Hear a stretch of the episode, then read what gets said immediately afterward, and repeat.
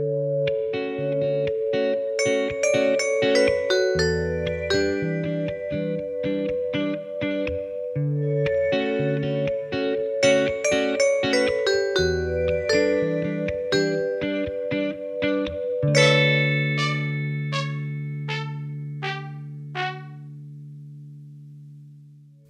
velkommen til Trans Norge, en podkast om trans i Norge, lagd av PKI, pasientorganisasjonen for kjønnsinkongruens.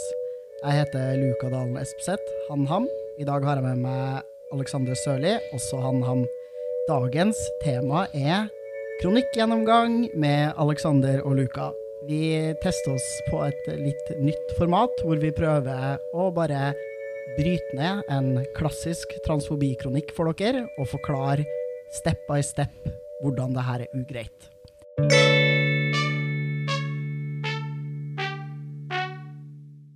Dette er jo også på en måte til dels bare vi som har lyst til å ta våre ranter ut til liksom allmennheten, fordi vi tror de faktisk er fylt med litt interessante ting. Jeg tenker i hvert fall veldig ofte når vi snakker sammen og ranter, at det er veldig spennende, og at uh, mange folk kunne lært noe av å lytte til oss. Så det, det håper vi at stemmer. Ja. Og så er det jo sånn at uh, du og jeg, vi er jo litt sånn nærkontakter for hverandre, så da har vi jo også muligheten til å faktisk sitte sammen og uh, ta opp podkast litt oftere enn det vi har pleid å gjøre. Det er veldig hyggelig. Nå skal det nevnes at det er 1,5 meter mellom meg og Aleksander her nå i rommet, bare så det er sagt. Men ja, det fins jo et uendelig hav av kronikker skrevet av cis-folk som handler om transfolk. Vi har ikke valgt denne kronikken for noen annen grunn enn at den tilfeldigvis sto på trykk i dag. Den er også veldig sånn, for min del veldig sånn klassisk i måten den er oppbygd på, og de argumentene som brukes. sånn at vi kan jo nevne at det liksom ikke er noe sånn spesifikt mot denne her kronikkforfatteren som enkeltperson. Vi tenker ikke at denne kronikkforfatteren er spesielt transfob, eller representerer et syn som ikke også er representert av en milliard andre mennesker i offentligheten for tida. Nei, den er rett og slett et veldig sånn på en måte fint eksempel å bruke, da. Fordi den går gjennom liksom alle disse liksom klassiske transfobiske argumentene da, som på en måte gjentas i det uendelige i det offentlige ordskiftet om dagen. Skal vi bare egentlig bare begynne, da? Ja. Fra toppen, liksom? Tar, jeg tenker at vi tar den fra toppen, og så ja. ser vi hvordan det går. Ja. Du er helt enig. Jeg er så klar. Ja, så kronikken har jo på en måte den fascinerende tittelen bare 'JK Rowling er ingen transfob'. Jeg vet ikke om kronikken egentlig primært handler om det, men det er i hvert fall det den har liksom fått da, som tittel. Det er en typisk eh, clickbait-tittel. Eh, Rowling gir jo masse klikk for tida, og ordet transfobi er jo også noe som tydeligvis er veldig triggende for cis-folk. Da blir man veldig engasjert og får lyst til å lese enda et argument for hvorfor Rowling ikke er transfob. Helt klart. Og så har den en sånn liten brødtekst hvor det står eh, vi må kunne snakke om transpersoner og hva rettigheter de har og burde ha på en god måte. Vi kan ikke bare slenge transfob etter alle som stiller spørsmål. Ja, der blir jo vi nok en gang i transbevegelsen frama som om vi, uten å argumentere for det og uten å holde i virkeligheten, bare bruker transfobi som et ord for å få folk til å være stille. Jeg tenker at vi har argumentert for hva transfobi er ganske ettertrykkelig i mange kronikker og offentligheten i veldig mange år, og vi har ofte også latt være, for å ta hensyn til de stakkars følelsene til sist folk, latt være å bruke ordet transfobi. Eh, så jeg syns eh, ikke ikke at vi kaster ordet transfobi altfor mye, eller transfob, da, etter folk altfor mye. I tillegg så syns jeg jo det er fascinerende at cis-folk er dem som skal få lov til å alltid bestemme hva som er transfobi og ikke.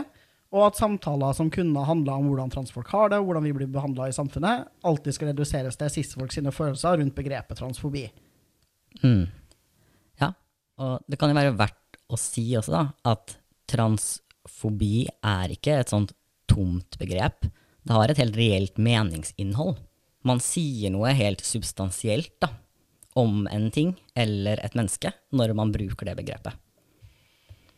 Og så Første del av setningen her er jo liksom Vi må kunne snakke om hvilke rettigheter transpersoner har, og hvilke de burde ha. Og Det er veldig artig at du i det hele tatt tenker at du har rett og mulighet til å mene noe om hva slags rettigheter transfolk har, og innbakt i det, det ligger jo som en grunnleggende premiss her, at det finnes en grense da, for hvilke rettigheter vi faktisk skal ha. Eh, og det er helt tydelig at her mener man at vi skal ha litt mindre eller litt dårligere rettigheter enn det cis-folk har. Ja, og det kommer ganske tydelig fram også, tror jeg. Kommer litt lenger ned i kronikken, så blir det snakket om at det på en måte har gått for langt. Og da må vi jo faktisk begynne å se på at det er en del rettigheter, kanskje, som transpersoner har i dag, men som de da ikke burde ha. Det tenker jeg egentlig er en ganske drøy påstand, eller om det kanskje ikke er ment sånn. Men det kommer vi kanskje til, da. Ja, vi, vi, altså, vi kan bare starte rett på. Det første setning her. Det er flott at eh, vi som samfunn har kommet så langt at vi aksepterer transpersoner. Jeg vet ikke hvordan du opplever det, Aleksander, men tenker du at vi lever i et samfunn hvor transpersoner møter samme type respekt og aksept som cis-folk som gruppe? Uh, nei. Jeg vil, jeg vil, ikke være enig i en påstand om at vi som samfunn aksepterer transpersoner. Det er for så vidt interessant, da, fordi det virker det jo som om hun også anerkjenner til en viss grad, når hun fortsetter med for vidt, Det er flott at folk kan leve som de vil, og ikke bli hata for det. Så står det Jeg veit at det fortsatt er mange transpersoner som opplever diskriminering, og jeg vil ikke forsvare det. Nei, så hun anerkjenner altså at vi blir diskriminert, og hun har ikke lyst til å forsvare det. Mm. Uh, det er veldig fint at hun har en intensjon om å ikke forsvare diskriminering av transpersoner, men hun har definitivt skrevet en kronikk som er et forsvar for diskriminering av transpersoner. Sånn at her er den disclaimeren på begynnelsen der gjør på en måte ingenting med innholdet i resten av artikkelen. Eh, og det er også en litt sånn gjenganger i artikler om transfolk, er at hvis du bare starter artikkelen med å skrive at du selv ikke er transfob, eller at du ikke har noe mot transpersoner og syns at det er flott at vi eksisterer, så får du en slags sånn fribillett til å skrive hva du vil under. Fordi mm. du har jo sagt at du har en god intensjon her, og at du ikke ønsker å forsvare eller legitimere diskriminering av transfolk. Enig. Så kommer jo den, da. På enkelte områder har aksepten for transpersoner gått for langt og dette er nesten umulig å ta opp. Ja, vi kan jo starte med siste del av setningen. Det er altså nesten umulig å ta opp hvis man har noe kritisk å si om transbevegelsen. Det syns jeg jo er veldig festlig, all den tid norske medier er full av kronikker som tar opp hvor vanskelig transfolk gjør eh, eksistensen til cis-folk, hvor utrolig lettkrenka vi er, og hvordan eh, våre rettigheter går vanvittig utover majoritetssamfunnet. Det er stort sett cis-folk som får lov til å snakke om transfolk og transspørsmål i, i media og offentligheten. Og det er altså, Hvis du tenker på hvor, mange, hvor stor gruppe transfolk er, da, så skrives det altså uproporsjonalt mye om oss i media av cis-folk. Det skrives ekstremt mye. Um, jeg tenker også at Hvis du faktisk går inn og ser på hva som blir skrevet om trans-saken, så har det vært betydelig måte, flere negative og måte, kritiske kronikker, da, og også debatter i media, enn det er som er på en måte transpositive, og som fremmer både transpersoners stemmer og transpersonens rettigheter. Da. Det er helt åpenbart ikke umulig å snakke om. Folk snakker om det hele tiden. Ja, og det som trykkes, er til dels ekstremt grovt. Jeg kan f.eks. nevne at i Adresseavisa, lokalavisa der jeg er fra, i Trondheim, i dag har jeg en kronikk på trykk hvor noen eh, problematiserer at vi ikke lenger kastrerer transfolk, og argumenterer for at det var et eh, legitimt krav å stille til folk for at man skulle kunne endre juridisk skjønn. Eh, og nå har samfunnet gått helt av hengslene pga. transpersoner, for nå kan faktisk noen som føder barn, kalle seg selv pappa. Og det er både ekstremt farlig og skadelig, ifølge denne kronikken, og et kjempestort samfunnsproblem. Og den eneste måten vi kan løse det på, er å begynne å kastrere transfolk igjen. Så mm. man kan altså komme på trykk i norsk media i dag, ikke bare med noen enkle, litt kritiske spørsmål, men en faktisk tale for og hylles til og fortsette med det som alle er enige om, at det er et ekstremt grovt menneskerettighetsbrudd. Bare som et dagens eksempel på hva, hvor mye motstand mot transfolk du faktisk kan komme på trykk med. Ja, ja. Uh, og sånn, eh, en ting som er ekstremt vanlig også, og som vi på en måte ser veldig ofte, er jo f.eks. det å referere til transmenn sine kropper som på en måte ødelagte og irreversibelt skada og mutilerte, og denne typen retorikk, da, som bare er en helt forferdelig måte å snakke om faktiske mennesker sine kropper på, da. Men som vi bare tillater og nesten ikke ser engang, da. Om noe så vil jeg si at det er vanskelig å eh, kritisere noe for å være transfobt. Altså, det er noe som får betydelig mye mer backlash i den offentlige debatten enn det motsatte. Ja, og så må vi også forstå at eh, en backlash eh, mot en ytring du har sagt da, mot transfolk Hvis noen skal gi deg motstand på det, så er det en motstand som er helt annerledes enn hvis jeg får beskjed om at jeg egentlig er en kvinne, eh, at jeg ikke burde ha tilgang på helsehjelp, og at kroppen min er ødelagt, stygg og ekkel, og at jeg ikke burde ha liksom, de samme menneskerettighetene som, som cis-folk. Altså, det det er ikke sånn at vi er equal i en sånn type debatt. Jeg sier mot meningene dine, du sier mot eksistensen min. Det er vesensforskjell eh, på de to tingene. Videre her så blir det jo sagt at på enkelte områder har aksepten for transpersoner gått for langt. Jeg, jeg kjenner at det er et eller annet eh, Det feministen inni meg får veldig vondt da, når man begynner å snakke om at likestilling og likeverd kan gå for langt. Det er en veldig sånn typisk ting man hører fra sånne her mannsaktivister som syns at likestillinga mellom kvinner og menn har gått for langt. Som om eh, likeverdet mellom to grupper kan gå for langt. Da må man, hvis man faktisk skal tenke at det har gått for langt, så må man enten ha som utgangspunkt da, at transfolk i utgangspunktet fortjener mindre rettigheter og ikke skal ha de samme mulighetene som cis-folk, eller så mener du oppriktig at transfolk som gruppe har fått så stor makt og innflytelse i samfunnet at vi undertrykker systematisk cis-folk, og at de nå har et dårligere utgangspunkt og dårligere livsvilkår som gruppe enn det transfolk har, og at det er transfolk som gruppe sin skyld. Ja, og det Altså. Det går ikke. Nei. Nei, det går bare ikke. Altså, det, den makta har vi ikke. Vi har ikke den makta på noen som slags måte, verken i antall eller innflytelse i samfunnet eller i, i kraft av noe som helst. Det er ingen cis-folk som lider fordi de er cis, fordi transfolk eksisterer og utøver sine grunnleggende menneskerettigheter. Og kanskje særlig hvis begrepet du bruker er aksept, da. Hvis man hadde snakket om liksom, at man mente at eh, Jeg vet ikke engang, jeg. måten man kritiserte folk, eller hvordan liksom, debattklimaet mer generelt var, da. Så er nå det én ting. Men her snakkes det jo helt spesifikt om liksom, aksepten for transpersoner, altså denne minoritetsgruppa. Videre blir det her påstått at hvis du sier noe kritisk mot transbevegelsen, så blir du kalt transfob. Det, det er ikke det problemet hvis du sier noe som er transfobt, er ikke at folk kaller deg transfob. Problemet er at det du har sagt er transfobt. Eh, Det er veldig rart. Det ligner jo veldig på liksom, den generelle rasismedebatten som har vært i, i media i det siste også, hvor det virker som om det største problemet med rasisme er at noen kan finne på å bli kalt rasist. Eh, det, det største problemet med rasisme er at rasisme skjer, og at det rammer mennesker. Og vet hvem det ikke rammer? Hvite folk. Ja. Det er jo så interessant. Altså, mange lar være å si noe av frykt for mobben, står det. Ja.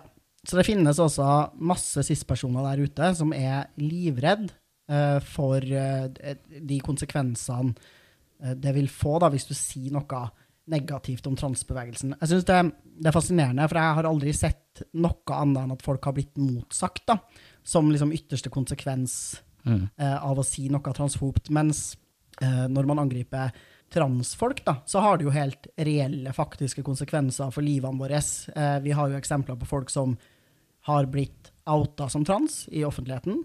Ja, har blitt slått ned på gata fordi de har vært åpne i media. Ja. Eh, som har mista tilgang til helsetilbud, som har fått sparken fra jobben sin, eller opplever liksom uthenging, diskriminering og mobbing på arbeidsplassen sin. Blitt oppsøkt i virkeligheten, blitt trakassert, blitt eh, hengt ut på sider som potensielt er farlige. Sånn at hvis vi skal sammenligne konsekvensene for en cis-person uh, og en transperson av å uttale seg i den såkalte transdebatten, da, så, så tenker jeg at det, det cis-folk risikerer der, er ganske minimalt. Det kan jo også være verdt å si da, at altså, vi som er transaktivister, anklages jo hele tiden for ulike former for fordommer. Altså, vi blir jo kalt eh, kvinnefiendtlige hele tiden. Vi blir kalt eh, sexistiske, vi blir kalt homofobe, vi blir anklaget for å ville dope ned barn og drive med kjønnslemlestning og være like ille som de som driver med lobotomi. Og dette er jo ting som folk sier liksom, i kronikker som publiseres. Likevel så ser du jo veldig sjeldent at vi på en måte klager på det, selv om vi tenker at det er veldig veldig urimelige anklager. da. Og det er jo fordi ja, dette her er eh, ting som jeg mener er helt på jordet. Og som er helt liksom, sinnssyke anklager å komme med overfor transbevegelsen, og som ikke stemmer. Men det er nå også liksom Det er bare meninger de har, da, om mine meninger. Uh, og det er ikke det jeg er redd for når jeg ytrer meg. Jeg tenker at det å være redd for å ytre seg, det er å være redd for vold. da, Å være redd for liksom, reell hets og måte, materielle konsekvenser. Og når transfolk er redde for å ytre seg, så er ikke det fordi vi er redde for at noen skal si at vi er sexister, liksom. Definitivt ikke. Jeg er heller ikke redd for at noen skal ja, si imot meg på generelt grunnlag. Det, det, er helt greit. Det er også en del av liksom, det vi faktisk kaller ytringsfriheten. Ja, det er ytringsfriheten. Jeg er uenig med det, men folk har lov til å si det, da. Uh, og det er ikke faktisk en trussel mot meg. Jeg tenker det sier noe om på en måte hvor privilegert du er liksom, posisjonert også, da. For det ville på en måte ikke funnet altså, vil, jeg, jeg ville ikke engang tenkt på å på en måte lage et oppstyr hver gang noen kom med noen urimelige anklager mot meg. Altså Hvis jeg skulle gjort det, så måtte jeg jo skrevet 20 eh, kronikker om dagen, for det skjer så jævla ofte. Altså, det er, ikke, altså, det er en ikke-sak, på en måte. Og jeg tenker at det er derfor også man får et sånt disproporsjonelt syn da, på hvor, liksom, hvem som blir anklaget for fordomsfulle ting. At det på en måte er liksom alltid måte minoriteten som gjør det mot majoritetene på en eller annen måte. Egentlig så ser vi uh, masse urimelige anklager retta mot liksom, transaktivister og antirasister og den typen ting også. Det er bare at vi klager ikke over det, fordi vi har mye større problemer og bekymringer da, enn det. Ja. Vi har ikke tid til å liksom, bruke plass på å liksom, syte over det. Det er ikke det som er den største utfordringen for liksom, vårt ytringsrom. Da. Nei, og pluss at vi jo ikke kommer på trykk hvis vi prøver å si noe om at vår ytringsfrihet faktisk blir innskrekka av reelle trusler mot oss som person, ikke av at meningene våre blir motsagt, så er det ingen som er interessert. da, fordi ytringsfriheten er den er litt annerledes da, for minoriteten og majoriteten i enhver diskusjon, virker det som. Så synes jeg også det er festlig at man her konkluderer med at det ikke er lov til å si noe som er såkalt kritisk mot transbevegelsen. Det er veldig gøy at vi blir sett på som en sånn eh, konsensushop, eh, som alle sammen er helt enige med hverandre, og at vi er ute av stand til eh, å snakke kritisk eller nyansert da, om problemstillinger som kan oppstå når vi får et mer fleksibelt og transinkluderende liksom, syn på kjønn i samfunnet. Jeg tenker at eh, Hvis folk faktisk visste hva vi snakka om i den såkalte transbevegelsen, så eh, hadde man vel anerkjent at vi er fullstendig i stand til å ta opp potensielle problemer på, på en god måte. Vi har jo bl.a. diskutert hvordan kan de få best mulig garderobeløsninger som ivaretar alle sine behov for eventuell skjerming, og som vil skape minst mulig konflikt mellom mennesker. Det er også en aktiv debatt i transmiljøet, opplever jeg, da, eh, hvor man liksom snakke om at eh, det er viktig at vi som miljø sørger for at det ikke blir en norm internt i vårt miljø at alle skal gjennomgå denne eller denne type behandlinger. Det snakker vi mm. liksom ganske aktivt om, og at vi syns at det er et problem at helsetjenesten er lagt opp på en måte hvor man mainstreamer ett type behandlingsforløp. At det er viktig at vi prater om at liksom, du kan være trans uten å måtte gjøre det her eller det her med kroppen din. Og det er jo egentlig sånne ting jeg føler at når man spør de her folkene som bare er kjempetransfobe, så er det sånne typer liksom, spørsmål de er bekymra for. Grunnen til at vi caller out som transfobi, er at de ikke altså Du ser helt tydelig at intensjonen deres ikke er at de er bekymra for at alle sammen skal liksom føle seg pressa til kjønnsbekreftende behandling. De er bare bekymra for at vi er trans. i utgangspunktet. De syns mm. det er helt forferdelig. De vil ikke at vi skal være det. Og de bruker gjennomgående et språk som er utrolig umyndiggjørende og nedverdigende. Det er liksom eh, veldig stor forskjell på at jeg sier inn i en gruppe med liksom unge transgutter. sier sånn Det er viktig at når dere snakker positivt om toppkirurgi dere har gjennomgått, og at dere ønsker dere det, at dere ikke forventer at alle andre gutter også har det samme behovet, sånn at vi er sikre på at ikke folk føler seg pressa til å gjennomgå toppkirurgi de ikke ønsker seg. Man kan godt være en gutt som har litt fett på brystkassa, liksom, det er ikke noe mm. problem. Det er vesensforskjellig fra å si det enn når transfober sier sånn Vi kutter friske jenter sexorganene deres og mutilerer kroppene deres, så de blir stygge, heslige, ikke-fungerende kvinner. Ja, det er en veldig stor forskjell. Det er faktisk en veldig stor forskjell. Og du må gjerne komme her og liksom si at intensjonen din var det samme som meg, men hvis du har den omsorgen og den intensjonen og er engasjert i denne saken, så må du klare å respektere identiteten til folk, og du må klare å bruke et språk som er ålreit. Og når du ikke engang evner eller orker eller gidder det, så er det fordi du er transfob. Du har ingen omsorg for og respekt for identitetene våre og livene våre. Nei. Og det er jo heller ikke på en måte sant at, at folk ikke kan kritisere si, transbevegelsen, da, eller ulike transmiljøer. Ja, som du sier, det gjør den jo sjæl også, men det er jo også masse måte, helt rimelige diskusjoner å ha om det. Um, for eksempel hvordan en del personer bruker liksom født i feil kropp-narrativet, ikke bare om seg selv, men på en måte kobler det veldig opp mot kjønnsstereotypier for å på en måte, skape et narrativ som er lettere for cis-folk å forstå. For altså, det er jo en kritikk som har kommet, den der måten å ordlegge seg på, å skape en sånn samfunnsmessig forståelse rundt trans, f.eks., som jeg tenker at transbevegelsen eh, har tatt imot og snakket masse om, også med folk som er utenfor den. Sånn at materiell kritikk av transbevegelsen som ikke er transfobisk, blir heller ikke kalt det, da. Nei, det er faktisk ikke sånn at folk kaster ut av seg ordet transfob i hytt og gevær uten å ha noe belegg for å bruke det.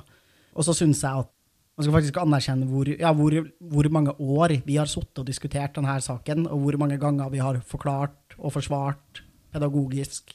Og innimellom så er det liksom Ja, det stemmer. Eh, nå bare sier jeg at det her er transfobt, fordi det er det, uten å gå gjennom en tre timer lang argumentasjonsrekke for hvorfor det er det. Fordi jeg forventer også at folk som diskuterer denne saken, her, har en grunnleggende kunnskap om tematikken, hvor jeg ikke trenger å ha en sånn trans 101 hver eneste gang jeg skal diskutere det her. Fordi av og til så må vi voksne med kunnskap og kompetanse få lov til å snakke.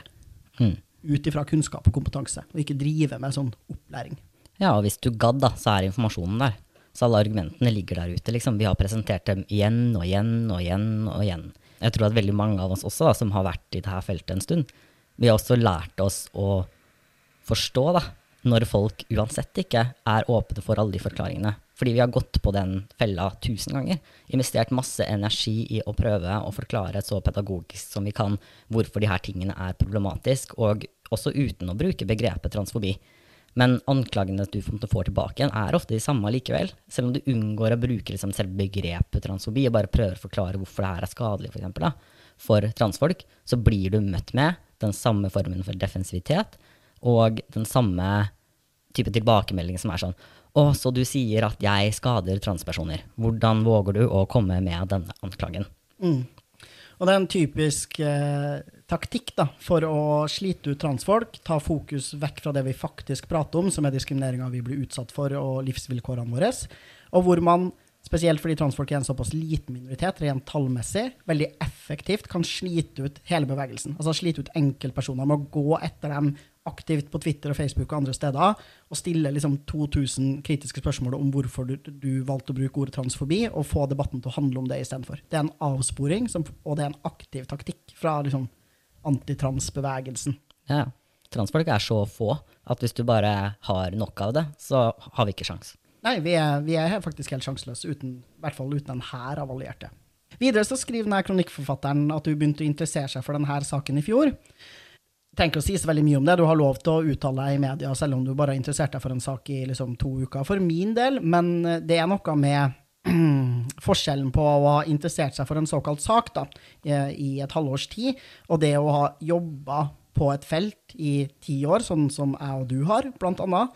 Og det å eh, inneha levd erfaring, som jeg tenker at er ytterst relevant når vi skal snakke om liksom, transfolk sine livsvilkår, så, så er det her kommer vi fra litt forskjellige steder og med litt forskjellige utgangspunkt, da, kan man i hvert fall ja. mildt si. Og det begynte med at JK Rowling fikk mye kritikk for å uttale seg om transpersoner. Og så står det da videre at en av de første transfobiske i gåsetegn tingene hun gjorde, var å støtte Maya Forstater. Forstater mista jobben sin for å ha sagt noe som angivelig var transfobisk, så står det. Det er ikke greit at folk mister jobben for det de sier. Ja, Vi kan jo starte med å si at uh, noen ganger så er det helt greit at folk mister jobben for noe de sier. Det kommer veldig an på hva du sier, og i hvilken kontekst, og hva du jobber med. Ja. Det, så, så, det er jo bare en feilaktig påstand. Hun mista heller ikke jobben. Nei, eh, det, det var det neste. Fortell. Hva, hva skjedde, Aleksander? Kort oppsummert. Ja, jeg har ikke satt meg masse inn i den saken, for jeg syns den er ganske uinteressant. Men jeg har satt meg nok inn i den til å vite at hun eh, tror jeg hadde en kontrakt som ble fornyet eh, hvert år, og hun fikk ikke den kontrakten fornyet. Og at hun jobbet på var det en slags sånn tenketank eller et eller annet sånt noe, en eller annen form for privat hvert fall, organisasjon, og at de eh, valgte å da ikke fornye kontrakten hennes. Blant annet fordi hun hadde feilkjønna, eh, konkrete transkjønna samarbeidspartnere Altså ikke bare for uttalelser hun hadde sagt på nett, men også for sin uttalelse til eh, personer som denne arbeidsplassen jobbet og samarbeidet med. Da. Eh, og jeg tenker jo eh, hvis, du får, hvis du gjør noe som er problematisk på jobb, og får tilbakemelding fra arbeidsgiveren din på at du er nødt til å endre atferd fordi atferden din er uforenlig med den arbeidsoppgaven du skal utføre, og så eh, nekter du å rette deg etter det, så er eh, altså, om du da får som konsekvens at de ikke fornyer en arbeidskontrakt, så tenker jeg at det er helt legitimt. Ja, det, er, eh, det skal ganske mye til før noen får lov Altså, det skal ganske mye til før det ikke er lovlig å ikke fornye en kontrakt uansett. Men særlig når det gjelder liksom verdimessige spørsmål for private organisasjoner, så er det en del uttalelser og noen verdier og noen måter å behandle folk på som kan være uforenlig med det. Og det var på en måte det som skjedde her. Mm. Og det er sånn generell kommentar til en del uh, lignende debatter som har gått internasjonalt, så, så er jeg for så vidt enig i at eh, flere land i verden burde hatt et uh, sterkere stillingsvern, da, sånn som vi har i Norge, hvor man jo i mindre grad risikerer at faktiske ting du har sagt på sosiale medier, vil medføre at du, at du mister jobben. Da. Jeg syns det er et gode, som den eh, tydelig plasserte sosialisten er, er unektelig er, men det er ting du kan si i offentligheten og på jobb som ikke er forenlig med enkelte typer jobber. Det er klart at det å oppføre deg veldig ufint og potensielt trakasserende ovenfor andre personer du jobber med, tenker jeg er en av de tingene da, som eh, ikke nødvendigvis skal være dekket av, av stillingsvernet. Men det er jo helt sant som du sier, og jeg er jo helt enig, og det har jo faktisk du og jeg også skrevet offentlig. Jeg husker det var en debatt rundt liksom, Camille Paglia en stund, hvor du og jeg skrev en kronikk i, um, i Klassekampen, hvor vi faktisk var helt eksplisitt på at vi mente at hun var skikkelig transfobisk og kvinnefiendtlig, men at hun absolutt ikke burde miste sin stilling som professor. Ja, rett og slett at ja, hun er transfob, men transfobiske ytringer er en del av akademisk frihet, og det er en rett som hun skal ha.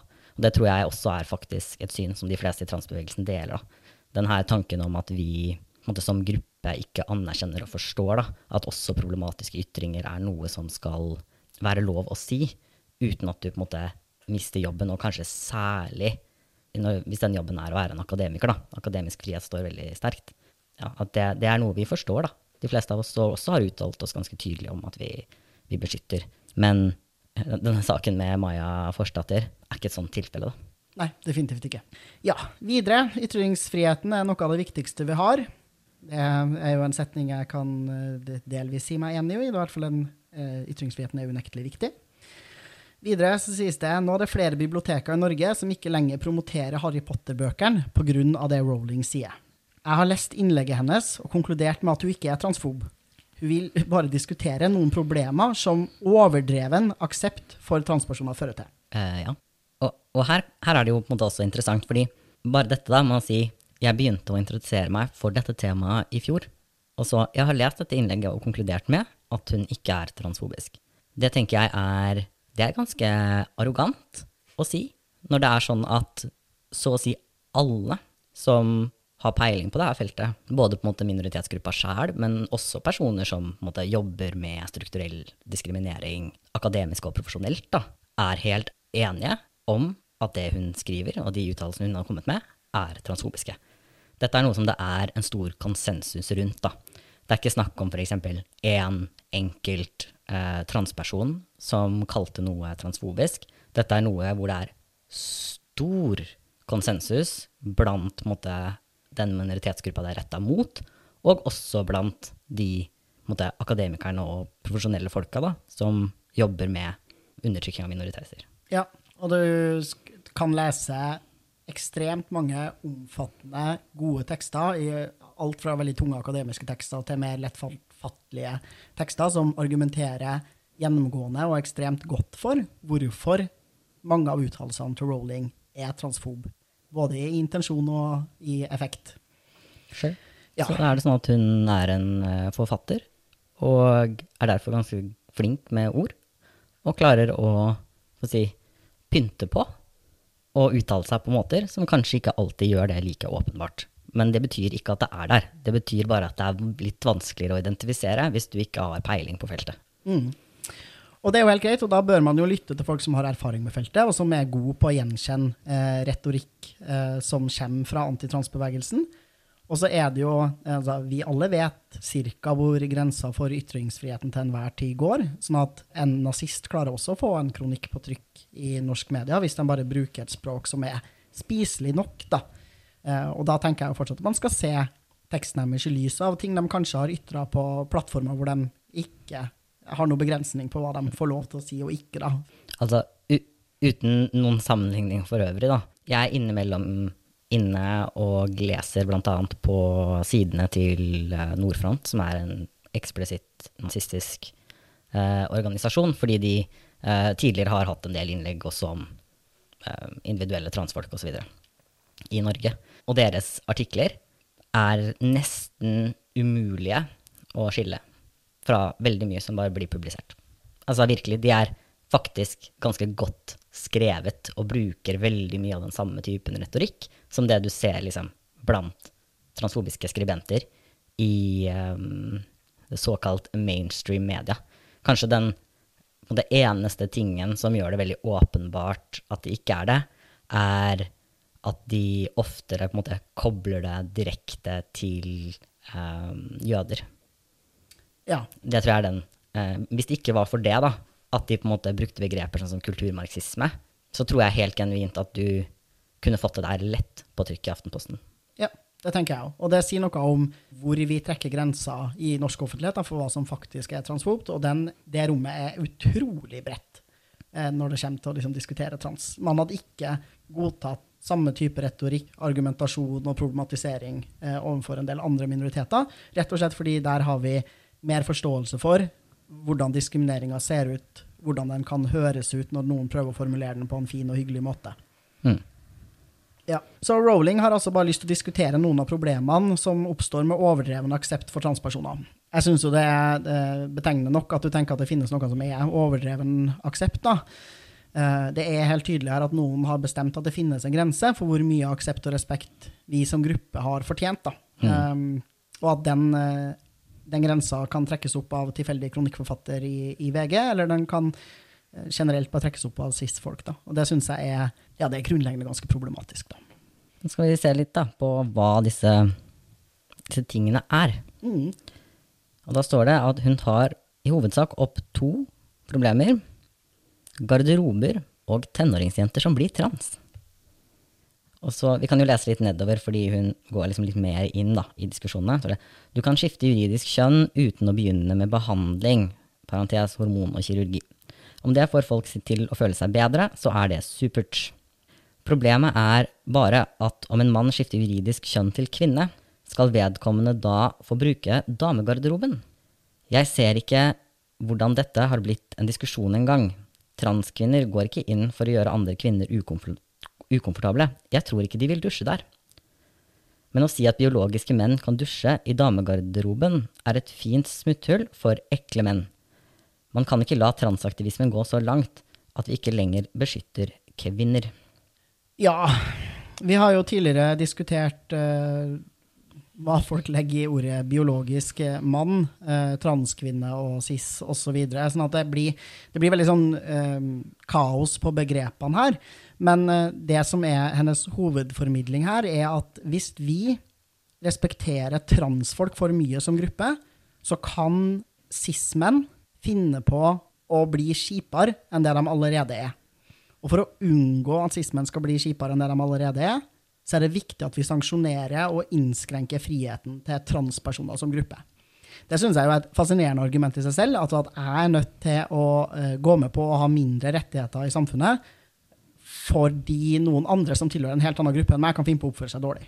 Ja. Det er det jeg ville ha kalt et dårlig argument. Eh, det er det. Men det er også interessant at det blir kobla så liksom tydelig mot, mot, juridisk kjønn hele tiden.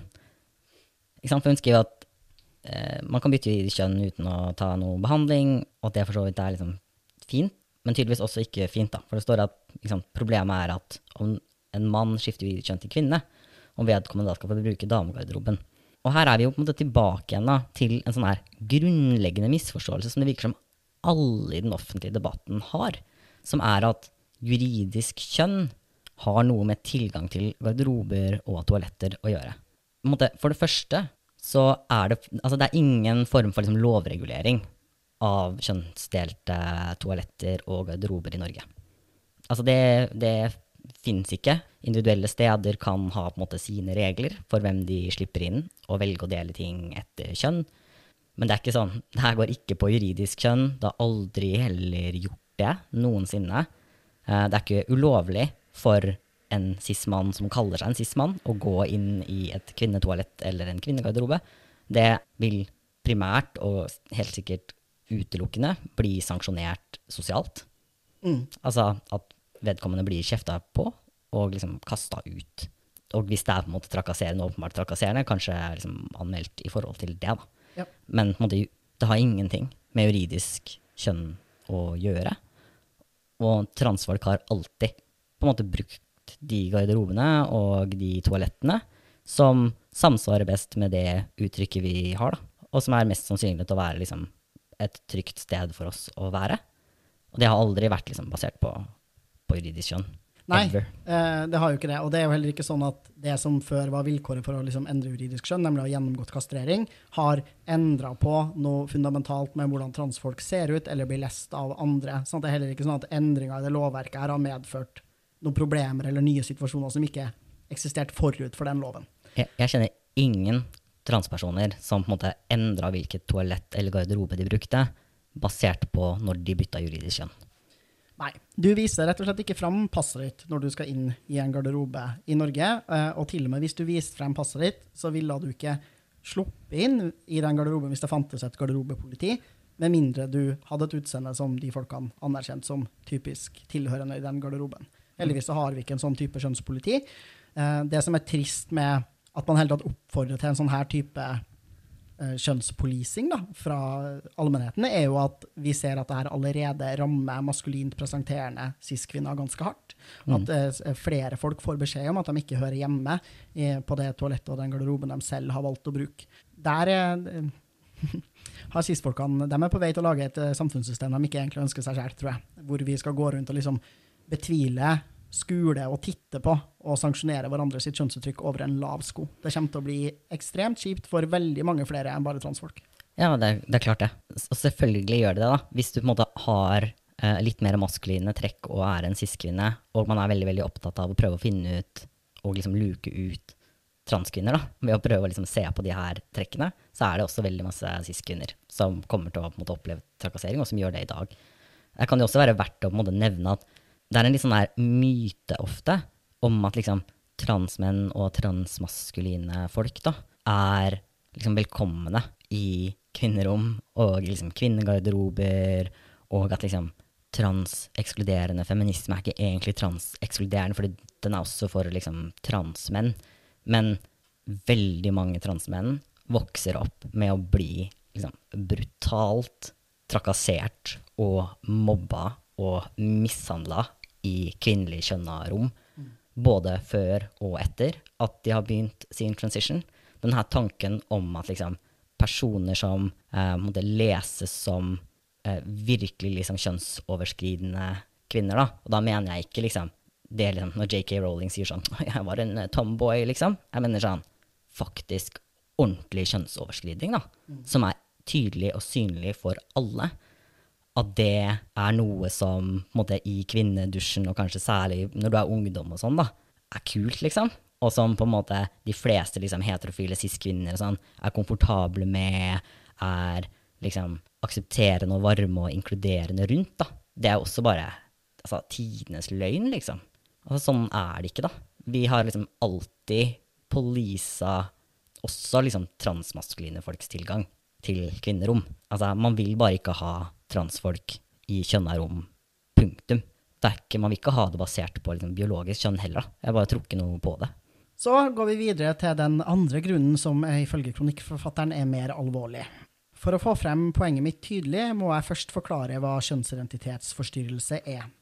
Typisk vil dette begynne tydelig i barndommen. To til fire år gamle barn vil ikke lenger være sitt biologiske kjønn, men det motsatte kjønn. De fleste som opplever det her, er gutter, og de fleste vokser av seg. De blir komfortable med sitt biologiske kjønn. Dette er et kjent fenomen. Her er det mye å ta tak i. Eh, ja. Så det første er jo å snakke om kjønnsidentitetsforstyrrelser. For meg så er det helt utrolig at det virker som det er veldig mange som har lest denne artikkelen og bare vært sånn her. Det her er jo ikke transfobt i det hele tatt. Men her, hun, hun sier jo faktisk at transfolk er forstyrra. Ja. Altså, det er det ingen tvil om. Det er liksom Det å være trans er å ha en kjønnsidentitetsforstyrrelse. Ja, jeg kommer ikke til å bruke fire timer for å forklare hvorfor det er transfobt, men det er det altså. Og så kan man jo også da edde at uh, i diagnosemanualer og andre ting, så bruker man ikke ordet kjønnsidentitetsforstyrrelse lenger, fordi man har anerkjent at det er transfobt, avleks og ikke har noen ting, slags form for forankring i forskning eller klinisk praksis, og tenker at det å ha en kjønnsidentitet er en forstyrrelse. Så sier hun at dette typisk vil begynne i tidlig barndom. To til fire år gamle barn ikke lenger vil være sitt biologiske kjønn, men det motsatte kjønn. Det Nå, nå har ikke jeg på en måte den forskningen foran meg. Jeg er nesten 100% sikker på at det å være trans ikke primært presenterer i alderen to til fire. Det er ekstremt ungt. Som regel, um, hvis man snakker om unge som på en måte kommer ut og oppsøker, så pleier det å være litt sånn like før eller rundt pubertet. Og så kjenner jeg selvfølgelig transkids som har kommet ut når de er to-tre år gamle. Um, Det finnes absolutt, men det er, det er ikke majoriteten. Uten at det er så veldig viktig, da, for så vidt. Jeg tror jo at mange transfolk for så vidt har vært trans siden, siden den alderen. Det, det er bare et rart liksom, tall å fokusere på, da. Det er det. Og så hvis du har lyst til å lære mer om hvordan eh, frasen biologisk kjønn kan finne på å være transfob i enkelte sammenhenger, og definitivt er det i akkurat den sammenhengen her, så kan dere jo gå inn og høre på forrige episode av denne podkasten, hvor jeg og Aleksander diskuterer biologisk kjønn. I tillegg så er jo det å bruke termen motsatt kjønn også transfobt. Ja, jeg kaller det det det er. Kaller en spade for en spade. Kaller transfobi for transfobi. Det legger til grunn en tydelig todeling av kjønn. Eh, og så legger det til grunn at transfolk ikke opplever seg som det skjønnet vi er, eller vårt eget kjønn, men noen andre sitt kjønn, som er en eh, grunnleggende betvilelse av vår identitet, og at den er ekte. da. Um, som jo ikke er så veldig rart i det denne kronikkforfatteren jo også tenker at det å være trans er en identitetsforstyrrelse. Det er riktig. Eh, og så kommer det en annen påstand som også er at de, de fleste er gutter, og at de fleste vokser det av seg. Tror det, Når vi ser på, på måte, henvisninger, så er det vel sånn at blant liksom, den aller yngste kohorten så er det noe overrepresentasjon av transjenter. Ja. Eh, Det er ofte på en måte teoretisert til å på en måte handle om at eh, liksom, kjønnsoverskridende atferd er på en måte synligere Ja. hos personer som leses som måte, guttebarn, enn det er liksom, hos personer som leses som jentebarn. Ja, det er rett og slett sånn at foreldrene til unge barn lettere vil ta dem med til helsevesenet og tenke at det er noe sykt eller noe galt med ungene deres, hvis de tenker at de er gutter som liker feminine ting, versus hvis du eh, tenker at du har en jente som liker maskuline ting. Og så er det dette med at de fleste vokser det av seg. Eh, og det er en statistikk som veldig, veldig mange bruker. Og jeg tenker at det er en del ting da, som kan være verdt å si om det. Og kanskje den første, det er at liksom, denne statistikken man har på at de på en måte fleste slutter å være trans, det gjelder bare for personer som er veldig unge. Det er ekstremt godt dokumentert at idet du nærmer deg på en måte eh, det de kaller adolescence, vil si like før pubertet og i begynnelsen av pubertet, de som har en en måte, transidentitet da, de fortsetter å ha den transidentiteten. Nesten alle. Så det er på en måte blant de som er veldig, veldig unge, så er det noen som måte, slutter å eh, ha en transidentitet eller ha en kjønnsidentitet som er annerledes enn det de fikk tildelt. Som slutter med det, men da på en måte før de når det her stadiet som er liksom før, like før puberteten. Sånn at det er helt irrelevante tall for alle diskusjoner rundt både pubertetsutsettende hormoner og på en måte kjønnshormoner. Fordi innen du har nådd den alderen, så vet vi, der er statistikken helt tydelig, har du på en måte en kjønnsidentitet da, i den aldersgruppa, så vil du mest sannsynlig uansett fortsette å ha den. Og så viser jo også forskning helt tydelig at for barn, da, er, altså unge barn eh, som eh, uttrykker å være trans, eller som har lyst til å bare uttrykke kjønn på en, på en kjønnsoverskridende måte, de får best psykisk helse hvis de får lov til det, og blir støtta og backa i det. Og det er ikke sånn at kjønnsidentiteten deres blir påvirka av hvorvidt du velger å ta imot det på en god måte eller ikke, men den psykiske helsa deres blir det. Sånn at hvis du får beskjed om at det ikke er greit at du uttrykker kjønn på den måten du gjør, at du burde skamme deg over deg at du er mindre verdt og at du er syk, så får du dårlig psykisk helse. Hvis du blir tatt imot og uh, bejubla for å uttrykke deg sånn som du er, så får du god psykisk helse. Uh, og så vil dem som er trans, dem vil fortsette å si at de er trans, og dem som ikke er det, vil la være. Det kan også være verdt å si at måte, de studiene, det er primært én studie man ofte måte baserer seg på på det her, faktisk også inkluderte personer som vi ikke vil kalle trans. Altså barn som vi ikke ville kalt trans i dag. Og det var fordi måte, den gamle diagnosen som de brukte da, den krevde ikke at barnet faktisk en gang måte, identifiserte seg som et annet kjønn enn det de fikk tildelt ved fødselen. Det var nok at barnet hadde veldig kjønnsoverskridende atferd. Så i den måte, kohorten av barn hvor de snakker om folk som på en måte At noen av disse barna sluttet å være trans, så er det faktisk en del som helt eksplisitt bare var feminine gutter, og som alltid sa at de var feminine gutter og en del jenter som hele tiden måte, sa at de var maskuline jenter, som ble regna for å være trans og har frafalt. Um, de tok også og regnet folk inn i kategorien personer som slutta å være trans, dersom de falt ut av behandlingsløpet ved denne klinikken og aldri kom tilbake. Som også er en spennende metodologisk ting å gjøre, å anta at noen sluttet å være trans fordi de ikke kom tilbake igjen til, til klinikken din. Så det er noen eh, metodologiske problemer rundt de tallene også. Ja, og et poeng til, de telte jo til slutt også bare dem som dem selv hadde sagt at de mente at var trans. Så man har jo heller ikke spurt folk om deres som subjektiv opplevelse av hvorvidt de er trans eller ikke. Og vi vet jo at på veldig mange kjønnsklinikker historisk sett spesielt, eh, så har man vært ekstremt streng på hvem det er som ender opp med å få en transdiagnose, og hvem som ikke får den. Sånn at man vil ha feilaktig eh, avvist folk da, og sagt du er ikke trans, fordi jeg mener ikke at du er trans, uten å ha spurt dem selv mener du at du er trans. Så man har altså inkludert vanvittig mange folk som ikke skulle vært inkludert i utgangspunktet, og så har man på slutten av studiet liksom, rett og slett inkludert for få. Da. Og da ser jo det såkalte frafallet stort ut, tilsynelatende. Uh, men det er flere av de studiene som jo helt tydelig underbygger det, det du sier, at hvis du har en over tid stabil kjønnsidentitet, spesielt liksom, til, ved inngangen til pubertet eller i løpet av puberteten, så kommer du ikke til å slutte å være trans på en sånn magisk måte. Nope. Ja. Videre så går uh, kronikkforfatteren over til uh, en helt annen gruppe. Uh, de siste åra har mengden tenåringsjenter som mener de er trans, økt veldig. Det er jenter som ikke har hatt noe tidligere symptom på kjønnsidentitetsforstyrring, og ofte har store psykiske problemer.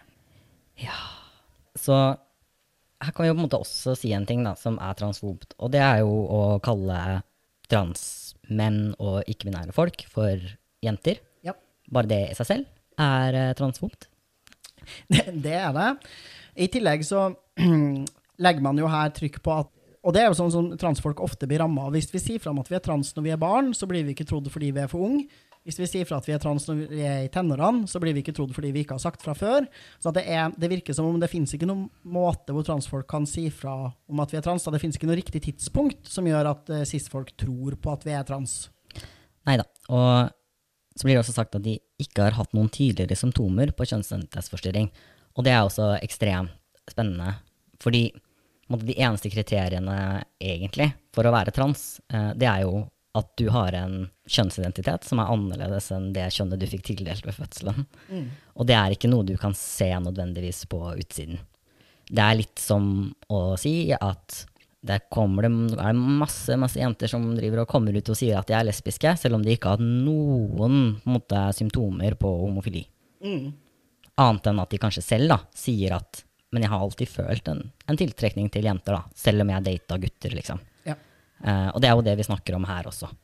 Altså, det er ofte personer som sier 'dette har jeg følt lenge', inni meg. Så har jeg skjult det, og veldig mange kan ha veldig gode grunner til å skjule at jeg er trans. Det er en veldig sånn ja, helt åpenbare grunner, da. Folk er i skapet, liksom. De prøver å skjule det. Og det er også veldig, Du har en veldig stereotyp forståelse av hvordan transmenn og transgutter skal se ut og oppføre seg. Hvis du tenker at det på en måte skal være synlig på oss, det, da legger du til grunn at alle menn da, og alle transmenn er nødt til å utøve maskulinitet da, på en måte som er eh, synlig for omverdenen. Og da kan vi jo bare nevne at eh, transmenn kan også være feminin, og ha feminine interesser og preferanser og forelske seg i menn. og eh, Akkurat som cis-menn, så kommer vi i forskjellige utgaver. Det, det kan de. Og det er jo også spennende at man både har den her påstanden veldig ofte om at det liksom ikke er noen tegn da, på at de er trans, men samtidig så er man veldig opptatt av at det er disse liksom maskuline lesbene som transitioner. Og det tenker jeg det er jo en litt sånn På den ene siden så sier du det er ingen tegn på at de på en måte, har en maskulin identitet. På den andre siden så sier du liksom åpenbart disse veldig, veldig maskuline personene Mm. som transitioner. Det er på en måte Du, du må nesten velge en av de. Um, og så har jeg litt sånn foran meg også, da, for jeg har liksom litt lyst til å på en måte se på også den her påstanden om liksom eksplosiv økning. Ja. Så for det første så er det sånn at hvis du har på en måte veldig små tall i utgangspunktet, så er det sånn at du kan få en veldig stor prosentvis økning, selv om du på en måte ikke reelt sett har eh, fått liksom veldig mange mennesker. Og jeg vil på en måte gi et eksempel, da. Så jeg regnet litt på det, og ifølge liksom Nasjonal behandlingstjeneste for, for transseksualisme, da, NBTS, så var det totalt 100 personer henvist mellom 1975 og 1990. Noe som tilsvarer litt mindre enn syv personer i året, hvis du skal liksom fordele deg på liksom de årene. Det er veldig få. Veldig mye mindre enn alle estimater vi har da, på hvor mange transfolk som finnes. Når det da liksom i 2007 steg til rundt 50 henvisninger i året, så er det en økning på 600% Ja. Men det betyr ikke at 50 henvisninger i året er mye, da. Nei, 50 personer er fortsatt ganske få i norsk sammenheng, og det 50 personer er ikke nok til at vi kan si at det her er eh, noe som svært mange mennesker plutselig kan finne på å tro at de er. Det, eller at det er en slags trend. Da skulle man vel forvente at det var noe flere folk som følte sånn. Right? Og så vil vi tenke at når vi får på en måte en aksept, eh, så vil vi på en måte se en økning, og det vil ofte være en ganske drastisk økning, som vil fortsette opp til det faktisk er representativt da, for det faktiske tallet. Og også her syns jeg det er litt sånn spennende, fordi jeg opplever at man fremdeles snakker om den her voldsomme økningen, men hvis vi da ser på NBTS igjen, da, så sier de faktisk i sin rapport at eh, det var færre henviste pasienter i 2019 enn det var i 2018. Som tyder på at altså henvisningene da, allerede nå begynner å flate seg ut. Som er ikke i det hele tatt overraskende hvis du tenker at dette er et resultat av måte, økende aksept, og at den økningen vi har sett da, i antall henvisninger, bare betyr at vi begynner å nærme oss liksom, et reelt tall, og at det etter hvert da vil flate seg ut. Mm. Jeg har også sjekka tall på en del andre klinikker i utlandet som rapporterer ca. det samme. Altså at rundt 2017-2018 så flater denne kurva ut. Og en siste ting er jo at man snakker om den der voldsomme, eksplosive økningen liksom, blant personer som ble tildelt et kvinnelig kjønn med fødselen. Men en av grunnene til at det har vært en så liksom, voldsom økning der, da, er jo at transmaskuline folk var ekstremt underrepresentert i statistikken fra før. Så liksom, ifølge NBTS så var det liksom i 2012 så var det bare 35% av de som ble liksom henvist til barneavdelingen, som var tildelt et uh, kvinnelig kjønn ved fødselen. Mens de nå liksom anslår at rundt to av tre ble tildelt et kvinnelig kjønn. Jeg tenker at For det første så er det interessant at ingen brydde seg om at det liksom i 50 år da, var en overrepresentasjon av liksom transjenter i systemet. Og at man er ekstremt liksom, bekymret nå over en liten overrepresentasjon blant liksom, transgutter og ikke-binære som ble tildelt et kvinnelig kjønn med fødselen. Jeg får også lyst til å edde at jeg snakka med helsestasjonen for kjønn og seksualitet i Oslo, og de sier at hos dem så er tallene eh, enda jevnere. Og hvis du ser på rapportene til NBTS over tid, så ser du også at de gir altså, kjønnsbekreftende behandling i større grad til folk som er transmaskuline og transmenn. Eh, Sånn at det er ikke usannsynlig også å tenke at en del transfeminine folk da, og transkvinner ikke oppsøker eh, NBTS fordi de vet at der blir de diskriminert og dårlig tatt imot. da. Ja, det gir mening. Det er også lettere og mindre risikofylt å skaffe seg østrogen og testoblokkere på liksom det illegale markedet. Fordi det ikke regnes som en form for doping. Mens f.eks. testosteron det er noe som reguleres mye hardere. Sånn at hvis du f.eks. primært har behov for hormonell behandling, så er det mye lettere å selvmedisinere for eh, transkvinner og transjenter enn det er for transmenn, som også kan, kan forklare det. Men det er også sånn at når man ser på liksom, de hele tallene også ved liksom, NBTS, så er det jo en overrepresentasjon, en liten overrepresentasjon av transkvinner på voksenavdelingen. Så det er også ganske mye som tyder på at det er ca. like mange som oppsøker kjønnsbekreftende behandling, men at transmenn synes å gjøre det i en noe yngre alder. Da. Så den her måte, eksplosive liksom, økningen, da, det skyldes primært at det var veldig, veldig få generelt, og at det særlig altså, det var en veldig underrepresentasjon av personer, personer som ble tildelt et kvinnelig kjønn ved fødselen, og det gjør at måte, veksten, den prosentmessige liksom, veksten blant denne gruppa, da, har vært større enn den den har vært for liksom, transfeminine folk. Videre snakker kronikkforfatteren om at det er flere folk i dag som er åpne om at de har angra på å mottatt kjønnsbekreftende behandling. Eh, så flott at vi har et eh, mer åpent eh, samfunn hvor folk også kan prate om de erfaringene. De er definitivt nyttige og noe vi skal lytte til. Selvfølgelig vil antallet mennesker som feilaktig har fått kjønnsbekreftende behandling, øker eh, når du øker antallet mennesker som får kjønnsbekreftende behandling totalt. Vi har ingen grunn til å tro at liksom, prosentandelen har økt noe særlig, og vi har all mulig grunn til å tro at den er ekstremt lav. Eh, jeg og Aleksander har altså tidligere lagd en episode om angring og feilbehandling eh, når det kommer til kjønnsbekreftende behandling, som jeg anbefaler dere å lytte til for mer utdypelse av eh, kan være en transfob agenda bak yep. Enkelt oppsummert, vi har faktisk ganske mange tall på dette. Det er veldig, veldig få som angrer. Ja, så få at det faktisk ikke er liksom interessant å diskutere i forhold til om man skal gi kjønnsbekreftende behandling, eller å sentrere det i diskusjonen i det hele tatt. Ja. Videre skriver kronikkforfatteren at vi må kunne snakke om den psykiske helsa til tenåringsjenta uten å bli kalt transfoba. Altså, ja, jeg er helt enig, vi må snakke om den psykiske helsa til tenåringsjenter. Men uh, hvis den gruppa du prøver å snakke om, er transgutter, så er du transfob hvis du kaller dem for tenåringsjenter. Sånn er det bare. Slutt å feilskjønne. I tillegg så prøver du ikke her å bare vise en sånn generell omsorg for folks psykiske helse og uh, har lyst til å liksom fremme en agenda om at vi må forbedre psykisk helsevern i det landet her. Du prøver helt aktivt å si at psykiske problemer og utfordringer kan føre til at noen feilaktig tror at de er trans. Mm. Det er transfobt. Eh, ja, det er det. Og så står det bare en sånn påstand som er endringene som blir gjort ved å begynne på testosteron, er irreversible. Ja, en del av de endringene som skjer når du begynner på testosteron, er irreversible. Det er jeg utrolig glad for. sånn at til og med hvis jeg blir fratatt testosteronet mitt, så slipper jeg å plutselig over natta morfe tilbake til å se ut som en dame. Det er, det er en lykke i mitt liv. Eh, så er det her en sannhet med store modifikasjoner. Altså Endringene av testosteron og all hormonbehandling tar lang tid før skjer, og mange av dem er helt eller delvis reversible bare av at du slutter på hormoner. De aller fleste er reversible hvis du også gjør noen medisinske tiltak for å prøve å reversere dem. Hmm. Kan det f.eks. sies at liksom, fertilitet er en sånn ting som folk fokuserer veldig mye på? Den forskningen vi har, tyder på at transmenn som på en måte har eggstokker og livmor, og sånn, hvor det funka liksom greit i utgangspunktet, som slutter på testosteron, synes å ha en eh, ganske god fertilitet og sjanse for å bli gravide, og kan ofte bli gravide. Eh, også etter at de har stått på det ganske lenge. Sånn at eh, disse irreversible endringene er primært estetiske ting.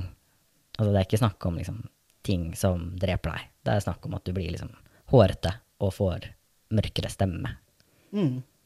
Ja, så Videre får vi et uh, skremselspropagandaforsøk fra USA med teksten I Norge trenger du en diagnose for å få hormonbehandling. Slik er det ikke i USA.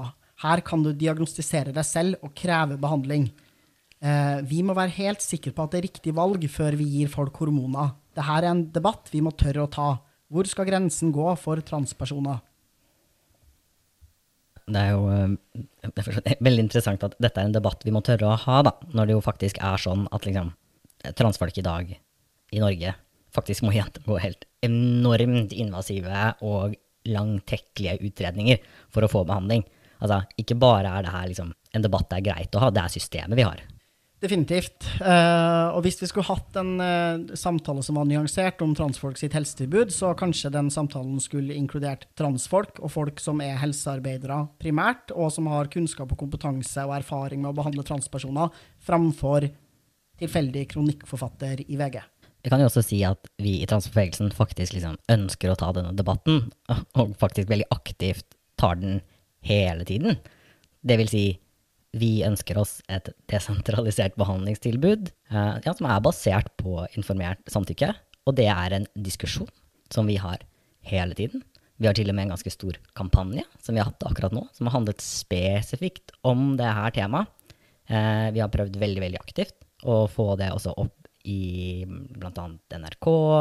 Vi har prøvd å få det opp i andre former for media. Så liksom debatten rundt det å få kjønnsbekreftende behandling basert på informert samtykke, det er jo en, definitivt en diskusjon som vi har lyst til å ta.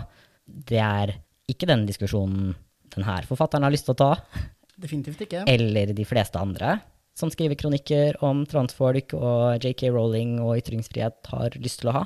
Tvert om så er det jo en fullstendig avsporing og distraksjon som gjør at vi ikke får tatt den debatten, eller noen av de andre viktige debattene da, for transfolk. Nei, vi blir tvunget til å snakke om rolling.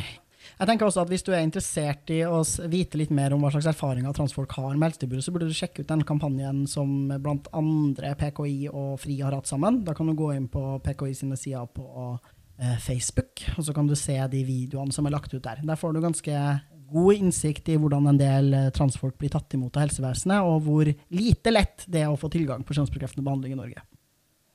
Yes. Ja, da har vi egentlig kommet til slutten av denne kronikken. Jeg føler ikke at jeg har blitt presentert med noen nye slående argumenter for hvorfor jeg ikke burde få lov til å eksistere. Hva føler du? Ja, nei, jeg gjør jo ikke det. Det er jo bare det samme, igjen og igjen. Det kan jo også være verdt å liksom nevne at hun liksom fascinerende nok flere ganger her liksom bruker som kilde en link til en Wikipedia-artikkel om en bok som heter Irreversible Damage – How the Transgender Craze is Seducing Our Daughters. Ja. Eh, la meg gjette, jeg har ikke lest den boka, men den høres unektelig kanskje litt transfob ut? Eh, ja. Det er også veldig interessant å si, linke til en Wikipedia-side om en bok. Eh, en veldig, veldig ekstremt transfobisk bok, som liksom eh, en kilde, selvfølgelig, i en artikkel. Altså det, det tenker jeg for så vidt at du skal få lov til å gjøre i en kronikk, men hvis kronikken din skal handle om eh, hvordan vi skal utforme helsetilbudet til transfolk, og hva slags juridiske rettigheter transpersoner burde ha, så hadde det vært fint om linkene og referansene gikk til noe tyngre faglitteratur enn som så. Ja, I hvert fall når påstanden er sånne ting som at mange begynner på testosteron og angrer, eller eh, at det er masse tenåringsjenter som ikke har hatt noen tydelige symptomer på kjønnsidentitetsforstyrrelser, så er det på en måte en Wikipedia-side om en bok ikke den beste kilden. Det er jeg helt enig i. Jeg tror vi avslutter der. Jeg Ja. håper alle sammen har satt pris på denne kronikkgjennomgangen med Alexandre og Luka. Um, det har vært en fryd å få lov til å rante gjennom denne teksten setning for setning med deg, Alexander. Ja, det har vært veldig hyggelig. Og hvis måtte dere også liksom, syns at det er eh, spennende å høre på eh, meg og Luka som ranter om liksom, transfobiske kronikker, så si ifra. For det er noe som vi gjør ganske regelmessig. Så hvis det liksom er spennende, så kan vi sikkert ta opp flere av de samtalene. Ja, send oss transfobi i innboksen. Det er ingenting jeg ønsker meg mer. Tusen takk for at du var med oss i dag, Alexander Sørli. Jeg heter Luka Dalen Espeseth. Takk til Martin Skjold for den nydelige Trans Norge-musikken. Takk til Salam for at vi får låne utstyr til å ta opp denne podkasten. Følg Trans Norway på Spotify for å få med deg alle episodene av Trans Norge. Spre ordet om podkasten hvis du liker den. Følg PKI på Facebook og Instagram, og meld deg inn i PKI på nettsidene våre sjonsinkongruens.no.